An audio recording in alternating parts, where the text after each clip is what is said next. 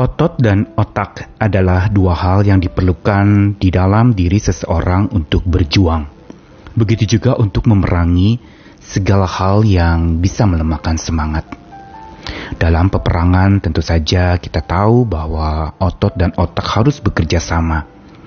Otak mengatur strategi peperangan, sementara otot bicara tentang kekuatan fisik seseorang untuk bisa mampu mengalahkan musuh-musuhnya. Namun di dalam peperangan rohani yang dibutuhkan sesungguhnya adalah kekuatan otak, akal budi, dan itulah yang menjadi sarana di mana Tuhan memperbarui jiwa seseorang. Pembaruan oleh dan melalui akal budi manusia.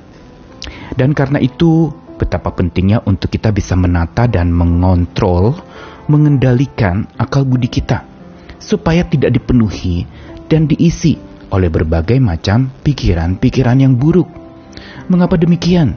Karena dengan memberi ruang pada pikiran buruk, kita justru sedang memberi peluang kepadanya untuk menguasai dan berdaulat penuh atas akal budi kita. Sehingga pikiran-pikiran yang baik tersingkirkan. Karenanya betapa penting untuk kita tidak memberi ruang kepada pikiran-pikiran buruk itu saya Nikolas Kurniawan kembali menemani di dalam Sabda Tuhan dari Yosua 9 ayat 3 sampai 5. Tetapi ketika terdengar kepada penduduk negeri Gibeon apa yang dilakukan Yosua terhadap Yeriko dan Ai, maka mereka pun bertindak dengan memakai akal. Mereka pergi menyediakan bekal, mengambil karung yang buruk-buruk untuk dimuatkan ke atas keledai mereka, dan kirbat anggur yang buruk-buruk yang robek dan dijahit kembali, dan kasut yang buruk-buruk dan ditambal untuk dikenakan pada kaki mereka, dan pakaian yang buruk-buruk untuk dikenakan oleh mereka. Sedang segala roti bekal mereka telah kering, tinggal remah-remah belaka. Ketika otot sudah kehilangan kekuatannya, maka otaklah yang berperan di dalam seseorang berperang.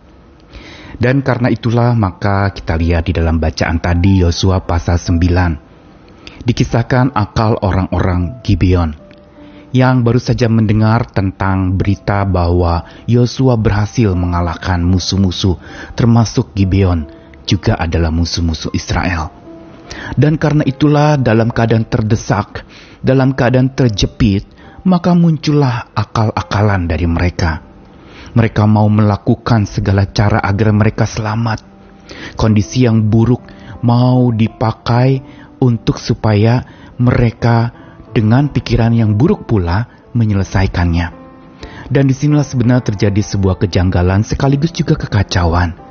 Karena di dalam kondisi yang buruk yang menimpa orang-orang Gibeon, mereka sesungguhnya makin memperburuk keadaan dengan menipu, dengan muslihat kepada Yosua Makanya dikatakan di dalam apa yang mereka lakukan Yosua 9 ayat 3 sampai 5 bahwa mereka bertindak dengan memakai akal dengan menipu yaitu pergi menyediakan bekal, mengambil karung yang buruk-buruk, kirbat anggur yang buruk-buruk, dan kasut yang buruk-buruk, juga pakaian yang buruk-buruk. Supaya dengan demikian mereka dikasihani, mereka lalu ditolong, mereka lalu kemudian tidak dimusnahkan, termasuk dengan musuh-musuh yang lain yang diserang oleh Yosua dan barisan tentara Israel. Karenanya kita lihat bagaimana akal-akalan mereka itu tampaknya memang berhasil, tapi toh akhirnya ketahuan juga. Apa yang mereka pakai dengan tindakan-tindakan buruk yang menipu itu lalu diketahui oleh Yosua. Dan mereka mengemukakan alasan bahwa memang mereka ketakutan mereka terdesak dalam keadaan yang buruk dan hampir mereka tewas, hampir mereka dihabisi oleh tentara Israel, maka saking takut kehilangan nyawa, mereka menipu. Inilah yang sering kali kita lakukan bukan? Pada saat di mana kondisi sedang buruk-buruknya, kita makin memperburuk keadaan dengan pikiran-pikiran yang buruk, pikiran yang menipu, yang menyangkal, yang penuh dengan dusta, yang bahkan juga penuh dengan kesombongan dan berbagai macam pikiran-pikiran buruk yang bisa berkecamuk memenuhi akal budi seseorang. Padahal kondisi sudah buruk dengan pikiran yang buruk akan makin memperburuk segalanya. Namun kita lihat memang ending dari kisah ini bagaimana ketika orang-orang Gibeon itu memohon maaf, memohon ampun kepada Yosua dan akhirnya Yosua juga tetap menolong mereka walaupun tentu saja dengan amarah dan dengan teguran yang keras karena mereka sudah menipu dengan akal buruk mereka. Dan kita lihat apa yang menjadi pelajaran buat kita hari ini dari orang-orang Gibeon yang berperang dengan akal mereka justru memberi ruang kepada pikiran buruk di dalam hidup mereka. Sehingga lalu kemudian mereka sebenarnya sedang memperburuk keadaan mereka walaupun mungkin akhirnya mereka selamat. Tetapi cara mereka adalah justru dengan cara yang salah. Dengan memberi ruang pada pikiran buruk, sesungguhnya mereka sedang memberi peluang untuk pikiran buruk itu bertahta menguasai mereka sampai-sampai iman mereka terlunta-lunta dan siap binasa. Saking takut mereka mati, saking takut mereka binasa, maka mereka melakukan hal yang buruk, berangkat dari pikiran-pikiran yang buruk. Namun apa yang seharusnya kita lakukan saat kondisi sedang buruk di sekitar dan sekeliling kita? Jangan sekali-kali memberi ruang pada pikiran yang buruk, tapi tumbuhkanlah pikiran-pikiran yang benar dan baik supaya justru dengan kita memberikan ruang pada pikiran yang baik dan yang benar, kita sebenarnya memberi peluang untuk mereka bisa menguasai alam pikir kita. Kita tidak terjerat kepada keburukan keadaan atau pikiran yang buruk makin memperburuk keadaan. Tetapi kita justru dipenuhi dengan pikiran-pikiran yang baik dan yang benar.